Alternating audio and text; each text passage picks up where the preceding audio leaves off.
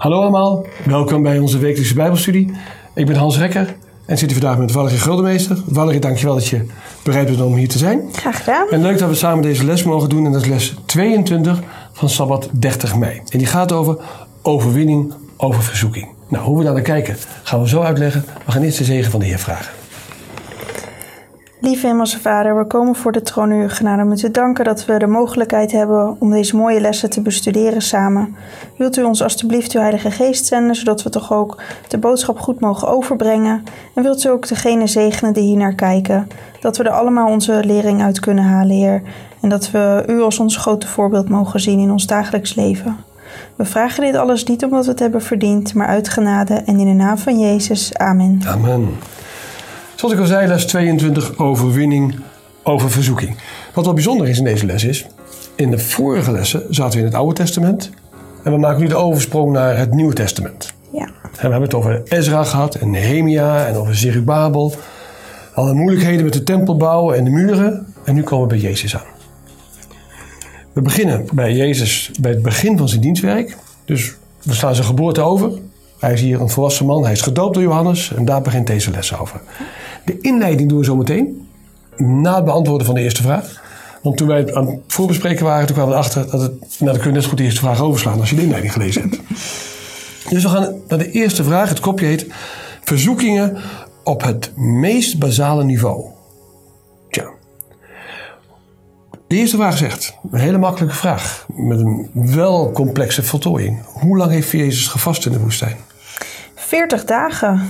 40 dagen gevast. Dat is heel lang. Dat is bijna zes weken. Ja, dat is echt heel erg lang. Vooral uh, probeer maar eens vier dagen te vasten. Ik wou net vragen, hoe uh, lang heb jij wel eens zelf gevast? Ik denk twee dagen max. En dan niet eens twee volle dagen. Dus ja. Ja, Ja. dus twintig keer langer dus. Hè? ja.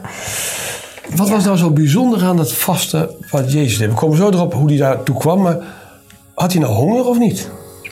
Nou, tijdens het vasten was hij eigenlijk vooral bezig met eh, bidden en nadenken over zijn zending, over wat hem nog te wachten stond, eh, het werk wat hij moest doen, hoe hij dat ging doen. Eh, dus hij, was heel, hij had een heel nauw contact met God. En ehm, ja, na die 40 dagen, toen, ja, toen in één keer begon die honger heel erg naar de voorgrond, op de voorgrond te komen. Ja. Dus eerst stond het contact met God echt op de voorgrond en was hij vooral daarop gefocust en niet op wat zijn lichaam eh, voelde of honger. Maar daarna, ja, toen kwam het echt als een mokerslag aan. eh. Die heel mooi de tekst ook staan hè? In, in Lucas 4. Hij at niets in die dagen. En tenslotte, toen die voorbij waren, die 40, kreeg hij honger. ja, Dus daarvoor had hij inderdaad geen honger. Dat is best bijzonder. En jij en ik weten dat één of twee dagen vast, dat je best wel even, Ja. even er doorheen moet. Hè? ja, soms na één maaltijd al, dan begint je maag eh, te rommelen, te rammelen. Nee, en waarom zeggen we dat zo? Want het kopje was bazaal niveau. Dat gaat over eten en Ja. hongergevoelens, gaat in dit geval. Ja. Maar die zijn heel dominant in je leven. Ja. Ja, dat zien we in dit geval ook. Ehm, laten we het hebben over de situatie. Hoe kwam het nou dat hij daarheen ging? Dus met welk doel ging hij erheen en hoe kwam hij er nou? Nou, Jezus was dus eh, inderdaad net gedoopt. Ja. En eh, het was niet eh, dat hij zelf bedacht... nou, wat ga ik nu doen? Zal ik, zal ik gaan vasten? Nee, hij werd geleid door de Heilige Geest. Precies. Die had, de Heilige Geest heeft hem echt daar Ja. naartoe gebracht... met dat doel om te gaan vasten... en om dus zich geestelijk te versterken... en geestelijk op te bouwen. Omdat hij dat echt nodig had. Want we weten als de Heilige Geest ons op een bepaalde manier ergens heen brengt of in een bepaalde situatie brengt waarin we verzocht worden dat het voor ons best wel is. En Jezus had dit ook echt nodig als start van zijn eh, belangrijke werk. Wat mij zo opviel, staat in Matthäus, Marcus 1 staat dat. Ehm, hij was daar in de woestijn 40 dagen en hij werd verzocht door de Satan. Ik had in mijn hoofd zitten, en dat, dat, dat kan iedereen anders hebben hoor, dat na die 40 dagen dat het pas begon. Maar je leest hier echt in dat in die 40 dagen dat er een Satan was die hem iedere dag ham. Ja, En waarmee weten we niet, hè, want daar zegt de Bijbel niks over. Maar heel, het is wel een heel kort zinnetje dat hij in die 40 dagen al constant door Satan verzocht wordt. Nou, zo in opmerking 1 staat er ook een uitleg over. Maar dat heeft bij mij in ieder geval geopend. Hij heeft ook 40 dagen niet gegeten. Maar ook 40 dagen heeft hij echt die constante Ja. verleiding gehad. klopt. Ja, of de, dat, die, dat de hele tijd van die gevoelens naar boven komen van onzekerheid. Of kan ik het wel? Of is het wel juist? Of eh, heet het, eh, bijvoorbeeld uit de concentratie halen of dat soort dingen. Dat probeert Satan bij ons natuurlijk ook. Als we willen bidden of als we voor de Heer iets willen doen. Ja, Zou jij de, de inleiding nu willen lezen? Want dit was een mooie aanvulling op wat we net besproken hebben. Na de doop van Jezus in de Jordaan werd hij van de geest weggeleid in de woestijn om verzocht te worden van de duivel. De Heilige Geest had hem voorbereid op dat bijzondere toneel van zware verzoekingen. Veertig dagen lang werd hij door Satan verzocht en gedurende die dagen at hij niets. Alles rondom hem was onaangenaam, zozeer dat de menselijke natuur ervoor terug zou schrikken. Hij was met de wilde dieren en de duivel in een woeste, eenzame plaats. Gods zoon was bleek en uitgeteerd door het vasten en lijden. Maar zijn loopbaan was hem aangewezen en hij moest het werk voleinden dat hij gekomen was om te doen. Dankjewel Valerie voor, deze, voor de inleiding. Nou, wat we hier vooral toch in zien is die, dat hij in die 40 dagen ook allerlei zware verzoekingen al gehad heeft. Hè? Ja. Ehm, en ik wil één stukje uit de opmerking van één erbij aanhalen. Maar Satan wist dat de heilige naar de woestijn was gegaan. En hij meende dat dit de beste gelegenheid was om hem te benaderen. Ja. Dus hij zat echt te wachten en nu pak ik je. ja, en ook omdat Jezus natuurlijk lichamelijk wel verzwakt was door het vasten. Ja. Dan denk je ook van nou, ja, als je iemand... eh, Zoals bij Esau bijvoorbeeld, die was ook eh, zo hongerig. eh, dan boeide het allemaal niet meer. Ja, doe maar. Ja. je, denkt niet, je denkt niet meer helder na. Nee, nee, dat herkennen we allemaal. wel. Het Nederlandse spreekwoord is niet voor niks. Hè? Honger maakt rauwe bonen zoet. En dan lust je eigenlijk alles. Ja. Dus we gaan over eetlust even verder. Even voor iedereen, waarom hebben we nou constant over eten en drinken? Waarom zijn Adam en Eva gevallen in het paradijs? Ja, door dat ze hun eetlust niet onder controle hadden. Precies. Ja, dus dat, daar begon daar, het allemaal mee. en daar begon Jezus ook zijn echte werk, zijn dienstwerk. Om dat een soort van ongedaan eh, te maken. Of ja, daar te beginnen ook. Waar het mis is gegaan, pakte hij het op. Dan doet de duivel iets heel gemeens. Die zegt niet, zal je, wil je echt een boterham met pindakaas vallen? Wij beginnen met twijfel. Welke twijfel probeerde de duivel nou volgens de tweede vraag in Jezus' gedachten te zaaien? Ehm, nou, hij zegt de zin, als u Gods zoon bent... Zegt dan dat deze stenen broden worden. Ja. Dus hij probeerde twijfel te zaaien. Ben- je wel Gods zoon? Ja. Weet je dat wel zeker, dat je Gods zoon bent? Ja. Misschien moet je het even uitproberen. Hij wist dat dit Gods zoon was, de duivel. Ja. En Jezus wist het ook. We gaan zo zien waarom hij dat wist. En toch gaat hij die twijfel zaaien, omdat het hem ook gelukt is bij Eva. Is het niet zo dat je niet van al die bomen mag eten? Ja. Dat is zijn echte basistechniek. Een deel waarheid en een deel leugen. En dan op die manier. Ja. En wat hoopt hij dan te bereiken volgens het tweede deel van de vraag?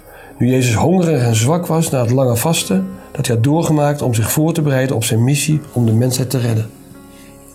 Nou, eigenlijk hoopte hij dat Jezus dan dus eh, zich aan zijn eetlust zou overgeven en een wonder zou doen om, om die eetlust te bevredigen. Echt het puur, het, basale dus, de primaire levensbehoeften, eten, drinken, om daar dan een wonder eh, voor te doen. En dat hij zichzelf daarmee eigenlijk voor Satan alleen ging bewijzen. Want de hele hemel weet, iedereen weet dat Jezus Gods zoon was. Hij zou een wonder voor zichzelf doen. Ja, En dat kon hij ook wel, maar dat had geen functie. Hè, Dat, Nee. hij, heeft heel, hij heeft heel veel wonderen gedaan, dat weten we. Hij heeft de vermenigvuldiging van het brood en de vissen mensen beter gemaakt, doden levend gemaakt. Dus wonderen kon hij wel doen. ja, Maar niet voor zichzelf heeft hij iets gedaan. Nee. En Jezus had, had ook helemaal geen bewijs nodig. Want Ja. In de opmerking staat ook hè, wat, wat er gesproken werd toen Jezus net gedoopt werd. Mhm. Ja. Gij zijt mijn geliefde zoon in de welke ik mijn welbehagen heb. Dit was voldoende om Jezus te steunen in al zijn lijden. Precies. Dus, ja, en Satan wist dat ook. Hè. Die heeft dat ook gehoord. Dat het gezegd werd tijdens de doop van Jezus. Dus ja. Even voor u allemaal die kijkt, wat heb ik nou zelf aan dit, deze les, voor dit deel? Nou, wat u dan kan hebben is als iemand die zegt van... Hé, hey, bewijs ons dat je een- wel een christen bent. Stop ermee. Dat hoef je niet te bewijzen. Het komt uit je woorden, uit je handelingen, uit je doen. En als iemand bewijs wil hebben, dan moet hij het ergens anders zoeken. Dan moet hij gewoon naar je leven kijken. ja. We gaan naar de derde vraag. Hoe liet Jezus antwoord nou zien, als het gaat over die brood maken, dat het leven van niemand vereist is om te doen wat de verzoeker vraagt? Nou, Jezus' antwoord was ehm, van eh, de stenen brood maken. Dat de mens zal niet van brood alleen leven, maar van elk woord dat uit de mond van God komt. Dus dat is echt het belangrijkste. Gods woord, het, het levende brood, het, het geestelijke brood. Precies. Dat is waar, waar het allemaal om draait. Want zonder, ehm, er staat in de opmerking ook, als we van Gods plannen afdwalen, dan is dat nog erger dan honger of de dood. Ja, ja. Dus alles valt in het niet eh, vergeleken bij wat Gods wil is. Dus ook eten, ook al heb je dat nodig om te overleven. En we weten in dit geval ook het mooie verhaal wat hier in Deuteronomium staat van het oude Israël. Toen ze geen eten hadden, kregen ze het van God. Ze kregen het hemelsmanna 40 jaar lang. Nee, 40 dagen, 40 jaar. Ja. Dat, allemaal hele boeiende metaforen zitten erin. Ja, Dus we hoeven ons geen zorgen te maken of we iets tekort komen. nee, God heeft ons beloofd, water en brood zijn u gewis. klopt. Er staat niet een zeven gangen diner, hè? dat staat er niet bij. Nee, Dus we hoeven geen zorgen te maken of we doodgaan van de honger. nee. En net zoals met eh, Mozes ook eh, op de berg. Hij heeft ook 40 dagen gevast. Maar hij eh, zag er heel anders uit toen hij daarmee klaar was. Hè, dat was hij was echt geestelijk zo vervuld dat hij uitzag dat hij helemaal straalde.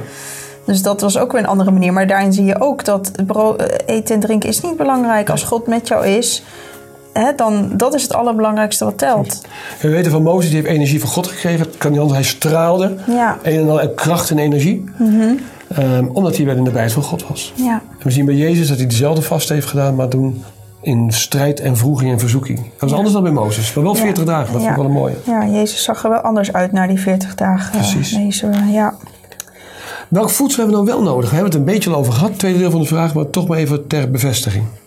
Het geestelijk brood. Ja. Dus alleen het woord uit de mond van God. En eh, Jezus wordt ook wel vergeleken met het geestelijk brood. Hè? En ook met het woord. Ja? Dus eh, vooral voor die mensen in die tijd was Jezus het enige wat zij nodig hadden. Het levend water. En Jezus vergelijkt zich ook met eten en drinken. Omdat dat zo'n een levensbehoefte is. Maar zelfs dat is nog minder belangrijk dan dus Gods woord. We hebben ook een hele mooie traditie in de gemeente, maar ook in andere kerken. Dat heet het Heilige Avondmaal. En dat gaat over eh, wijn, dan zonder alcohol en brood. En dan zeggen we ook, dit is het bloed dat ik voor u, dat het bloed van Jezus Christus en het lichaam van Jezus Christus. Allemaal in symboliek, hè? niet letterlijk. Wat andere religies wel soms denken. Daar zie je ook de symboliek weer in terug die hier ook uitkomt. Ja. Laatste ding van de opmerking van drie. En als je andere dingen wil pakken, ga gerust hoor. Door deze beproeving te doorstaan, kon hij de macht van Satan breken en het mensenras verlossen van de schande van de val. Ja. Gewoon door niet op eetlust in te gaan. Ja, ja dat het lijkt eh, zo ma- eh, eetlust. Het klinkt zo als iets kleins, maar het, het kan zoveel kapot maken. Nou ja, wat, dat, wat Adam eh, ook heeft ervaren natuurlijk, of wij allemaal nu, door, door de eetlust van Adam en Eva eigenlijk. Ja. Ja, We gaan naar de volgende verzoek, de tweede. Die staat in de vierde vraag. Dan Gaat, de kopje staat aanmatiging erboven. Heb je iets andere betekenis van aanmatiging?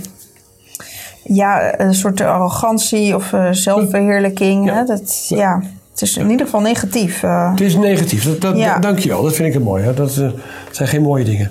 Aan welk risico werd nou Jezus bij die tweede verzoeking blootgesteld? Nou, bij de tweede verzoeking nam Satan hem mee naar de top van de tempel. Dat is ook wel blitz eigenlijk uit de woestijn. Ja, Nam niet mee. Ja, ja, dat zou heel bijzonder geweest zijn, ja. En eigenlijk ehm, had hij een heel bijzonder voorstel. En dat is namelijk tegen Jezus zei, spring maar naar beneden. ja, dat je denkt, oké, als je de zoon van God bent. Hè? Dus ook nog dat hè, ervoor, als je de zoon van God bent. Ja. Dus dan is het heel makkelijk om te oh ja, maar ik ben de zoon van God. Dus ik zal dat even laten zien door te springen, want dan zal ik eh, opgevangen worden. Ja. Maar toch gaf, ging Jezus daar niet... eh, Jezus ging er niet op in. Maar, Nee. maar wat was nou de waarde geweest? Hè, want dat is het tweede deel van de vraag. En die is wel mooi om te beantwoorden. Als hij wel gesprongen had, wat voor waarde had het dan gehad? Nou, dat was puur om eh, Satan een plezier te doen dan. Ja. Want niemand kon het zien en niemand heeft daar wat aan gehad. Het was ook niet tot eer van God. Ehm, dat staat ook in de opmerkingen. Midden. Christenen moeten niet gevoelen dat zij recht hebben om tot de Heer te roepen om zijn macht te tonen. Ten einde hun een overwinning te doen behalen over hun vijanden. Tenzij God hierdoor direct eer bewezen en hij erdoor verheerlijkt wordt. Dus ja, het zou God niet verheerlijkt hebben. Precies. Ik vind het heel mooi wat je zei. Stel je voor dat je iets moet doen en dan moet je Satan verheerlijken. Ja, Zijn zin geven. ja zijn zin geven, ja. Nou, Ja. En de zin van Satan is alleen maar kwaad en slecht. Dus dat is zinloos. En dat is een heel mooie manier om te laten duiden waarom er zo'n vreemde, vreemde verzoeking is. Hij, Ja. hij, hij, hij speelt in op de twijfels die mensen hebben over zichzelf. Ja, en het heeft eh, hele grote gevolgen dan. Hè? Want dit lijkt zo van, nou, één keer springen. Oké, dat ja, is toch geen zonde of zo. Eh, want ik word inderdaad opgevangen door de engelen. Ja. Maar soms kan het voor ons ook lijken dat als we dan verleid worden of verzocht worden... dat het dan, het lijkt iets kleins. als je daarin dan toegeeft, dan denk je, oké, maar dat is klein en niemand zal het weten. Maar de gevolgen erachter, die kunnen wij niet voorzien. En Satan hij weet wel vaak de gevolgen die erachteraan komen. Want ook hier wist hij wat de gevolgen zouden zijn als Jezus zou springen. Ja. Dus ja, Satan die is daar slimmer in dan wij. Die weet echt heel goed wat er daarna allemaal kan gebeuren. Dus eh, ja, Laten we even de vijfde vraag pakken. De, even de psalm waar die Satan misbruikt. Dat is psalm 91. Wat, wat, wat, Ja. wat, wat, zegt, hij daar, wat zegt psalm 91? Ehm, nou, geen onheil zal u overkomen, geen plaag zal u ten, tent naderen. En dan hier vooral, Ja. het zal voor u zijn engelen, eh, want hij zal voor u zijn engelen bevel geven dat zij u bewaren op al uw wegen. Zij zullen u op de handen dragen, zodat u uw voet aan geen steen stoot. Precies. Dus hij ging terug op een belofte die wel is gedaan in Psalm. Het is ook zo dat hè, ze zullen u op handen dragen. Dus Als wij in Gods wegen blijven wandelen, als we Ja. zijn wil blijven doen. precies. Maar dit was niet Gods wil dan geweest. Precies. Jezus geeft een helder antwoord.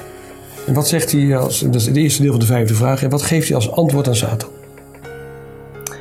Ehm, nou, dat dit eh, eigenlijk is eh, dat het God verzoeken is. Dus ehm, Jezus zei ook tegen hem: Dit staat ook geschreven, want Satan had ook dingen bij die geschreven staan. Maar Jezus zegt: U zult de Heere uw God niet verzoeken. Punt. Ja, en dan is het gewoon klaar. Dan, dan moet je verder ook niet, eh, niet op ingaan. Dus het gaat er in het gewone leven ook. Hè. Dit hebben wij genoemd. Ik heb hem even erbij geschreven. Eh, ik zal het laten zien dat ik het kan. Dit is een soort macho gedrag. Hè. Ik ben toch een vent of ik ben een, een dappere vrouw. Ik kan het allemaal wel. Dat is macho gedrag. Geldingsdrang. Ja. Eh, Ik heb, ik, ik, ik heb nu een macht in me die, die gaat me helpen. Dat is ook een beetje. eh, of denken, ik kan het toch wel. Uit eigen kracht. Hè. Dat is allemaal aanmatiging. Het is allemaal fout uiteindelijk. Allemaal fout. Klopt. En wat ik ook nog mooi vond aan de opmerking was, Mhm. ehm, in het midden staat... De heiland heeft ons gezegd, waakt en bid dat gij niet in verzoeking komt. Ehm, dus dat betekent dat we door waken en bidden... dat we dus veel verzoekingen wel kunnen vermijden. Ja. En Ja. wij zullen het nooit zo zwaar hebben als Jezus heeft gehad. Want Satan, bij elke stap die Jezus deed... was eigenlijk van Satan een aanval op hem. En alles wat hij zei, hij gebruikte de fariseërs... om hem kapot te maken en alles. Dus wij zullen nooit weten hoe erg het is. Maar het is wel een mooie troost dat we weten... dat door te waken en te bidden... dat we heel veel verzoekingen eigenlijk kunnen vermijden ook. En daar staat een stukje ervoor. Als we dat doen, hè, zal God iedereen bewaren die op het pad van gehoorzaamheid gaat. Ja. Dus als we op het pad van gehoorzaamheid blijven wandelen, daar gaat Psalm 91 namelijk over, dan zal hij onze voeten bewaren. Dan is er geen gevaar, dan maak je geen zorgen, dan doen de engelen alles aan de kant. ja. Maar als we dat pad wandelen, niet, niet eh, ons eigen pad. Nee.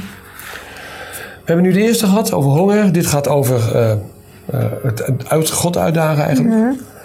En nu is, is de zesde vraag gaat eigenlijk over de hoofdprijs van de loterij. Zo zou je kunnen zeggen. Ja. Rijkdom, glorie, macht en valse aanbieding. Ja. En ik noem het dus de loterij omdat het hier gaat over macht en welvaart.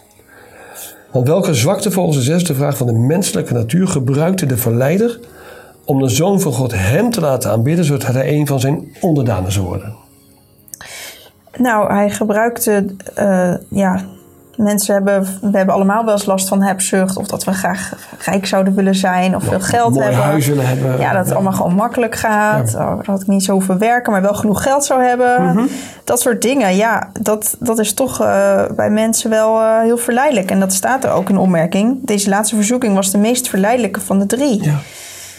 Want ja, het is toch wel heel verleidelijk als iemand tegen je zegt... nou, kijk, dit is allemaal voor jou. En dan heb je echt een geweldig leven. Je hoeft niks te doen. Je bent super rijk. Je hebt alles ja, wat je wil. Geen pijn, geen lijden, geen verdriet. En wat stond Jezus te wachten de komende 3,5 jaar? Nou, heel veel ellende. Heel veel verdriet. Ja. Heel veel strijd, pijn. Ja, het was gewoon heel zwaar. Alle zonde op hem. Dat stond hem te wachten. Ja, dus Satan biedt hier, zeg maar, voordat hij begint in die 3,5 jaar een uitweg. ja. Dat is eigenlijk wel gaaf, toch?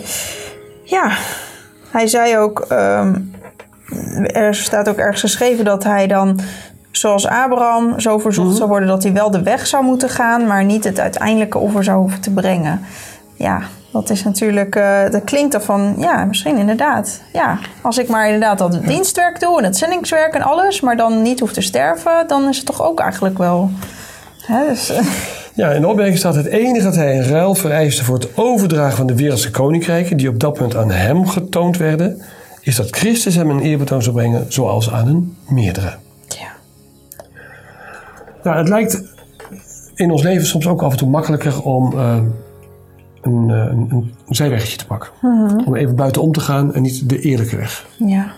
Om toch maar een uh, bedriegerijtje te doen. Makkelijk om even iets op te lossen zonder dat anderen het zien. Ja. En daar gaat dit geval over. Het gaat over, blijf je altijd eerlijk, duidelijk, trouw de tien geboden in alles wat je doet. De zevende vraag geeft het antwoord. Wat was belangrijker voor Jezus, de aardse koninkrijken of het koninkrijk van God? Ja, het koninkrijk van God. Ja, Ja, dus Jezus wist waar hij het allemaal voor deed. Hij had echt dat doel voor ogen. En als je dat niet hebt, dan ga je hier aan die verzoekingen ten onder. Ja. Als je geen doel voor ogen hebt, dan ga je echt puur op je behoeften bevredigen op dat moment. Ik heb nu honger, ik wil nu eten.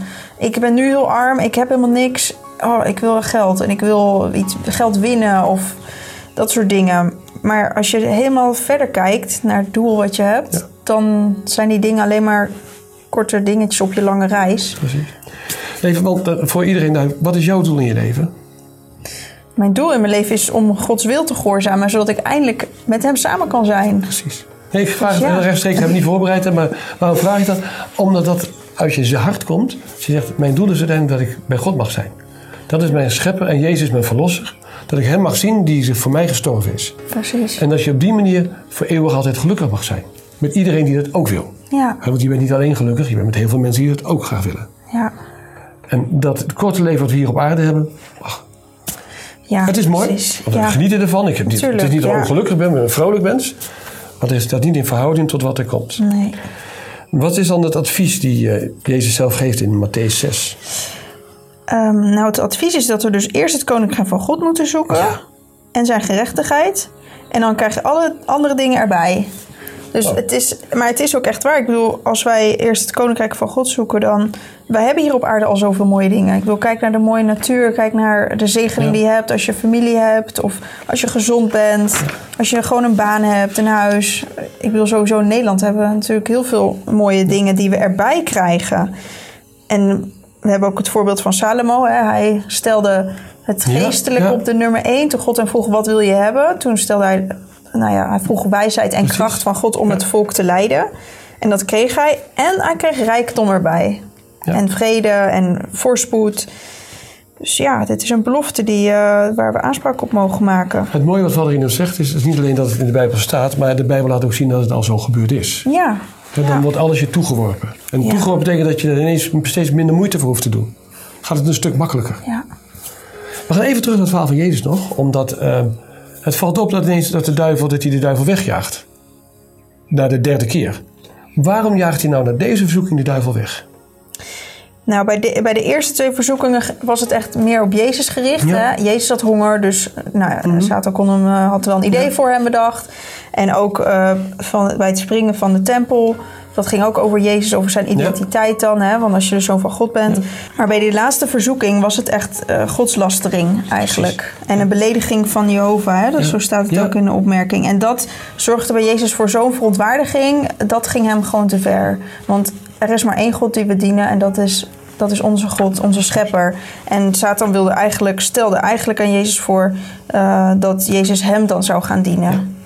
En je mag niemand anders dienen dan God. Dus Precies. dat was voor Jezus een stap te ver. De eerste twee geboden van de tien gaan over het aanbidden van God. Ik ben de schep van hemel en aarde. U zult geen andere goden voor mijn aangezicht halen. Dus daar ging het de eerste paar geboden over. Ja, En daarom joegt hij hem gewoon weg. Het nauwste over. En met het gezag van de Zoon van God moest hij al weggaan. ja, Ik wil een klein stukje opmerking lezen, niet omdat ik er zo nog gaat, maar dat is wat, waarom Satan zo volhoudt. Waarom hij ook, ook in ons leven soms volhoudt. Daar gaan we zo over hebben. Satan wist dat zijn macht beperkt was. En tenslotte zou worden weggenomen als het verlossingsplan uitgevoerd zou worden. Hij wist dat zijn macht tenslotte zou eindigen en dat hij vernietigd zou worden als Jezus zou sterven om de mensen te redden. Hij wist als het verlossingsplan zou lukken dat het hem met hem gedaan is. ja, En zo geldt het voor u, voor onze dagen ook. Satan heeft al verloren. En wat weet hij? hij? Er is nog tijd en iedere tijd gebruikt hij dan om zoveel mogelijk ellende aan te richten. En daarom staat hij niet voor niks. De duivel gaat rond als een briesende leeuw. precies. Hij probeert zoveel mogelijk mensen nog mee te nemen in zijn eh, ondergang. Ja. En dat, eh, daar slaagt hij heel vaak in. Maar we hebben een uitweg natuurlijk. Dat Precies. is God. Want God probeert ook juist ons weer te trekken naar zijn plan. Hè? Want het, het oorspronkelijke plan van God is dat we bij hem zouden zijn. Daarom maakte hij de mens, dat we samen konden leven. Maar ja, het, uh, maar we mogen daarna terugkeren naar die uh, oorspronkelijke situatie.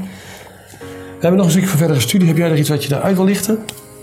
Ja, ik ja? vond het uh, mooi om te lezen dat, uh, dat we dus uit eigen kracht kunnen we ons niet van de verzoeken verlossen. Ja. Want hij heeft de mensheid overwonnen.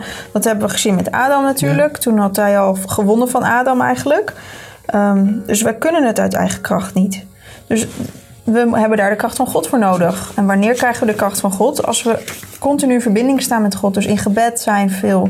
We kunnen niet verwachten dat als we geen tijd met God samen besteden, dat we dan kracht krijgen van God. We moeten echt die band met God ook uh, sterk houden. Ja. Dus ja. We zien hier dat een overwinning door strijd gaat gebeuren. In deze verzoeking, in deze les ook. Uh, het gaat niet alleen om het, om het stuk wat Jezus ons als voorbeeld gegeven heeft. Wat we wel kunnen zien is wat we al in het laatste zien. We kunnen het in de kracht van Jezus ook overwinnen. Hij heeft de strijd voor ons gestreden. Hij is voor ons dan persoonlijk aan het kruis gestorven. En in zijn kracht kunnen wij ook overwinnen. En dat is iets moois. Dus als de verleidingen komen. Als de mensen op je, oor fluisteren. Ah, één keer kan geen kwaad. Uh, maar misschien een keertje toch. Een bleugetje om of iets anders. Weet dat je in de kracht van Jezus nee kan zeggen. En je zal merken als je nee zegt de eerste keer, dat de tweede keer nee zeggen veel makkelijker is. Dan zeg het gelijk de eerste keer. Dan weet ik ook dat we daardoor in de kracht van God zullen overwinnen. Ik wens u daarom een overwinning toe op de strijd in het leven. We hebben ze allemaal. Valerie heeft ze. Ik heb ze. U heeft ze ook allemaal. In de kracht van God kunnen we alles overwinnen. Het gaat goed.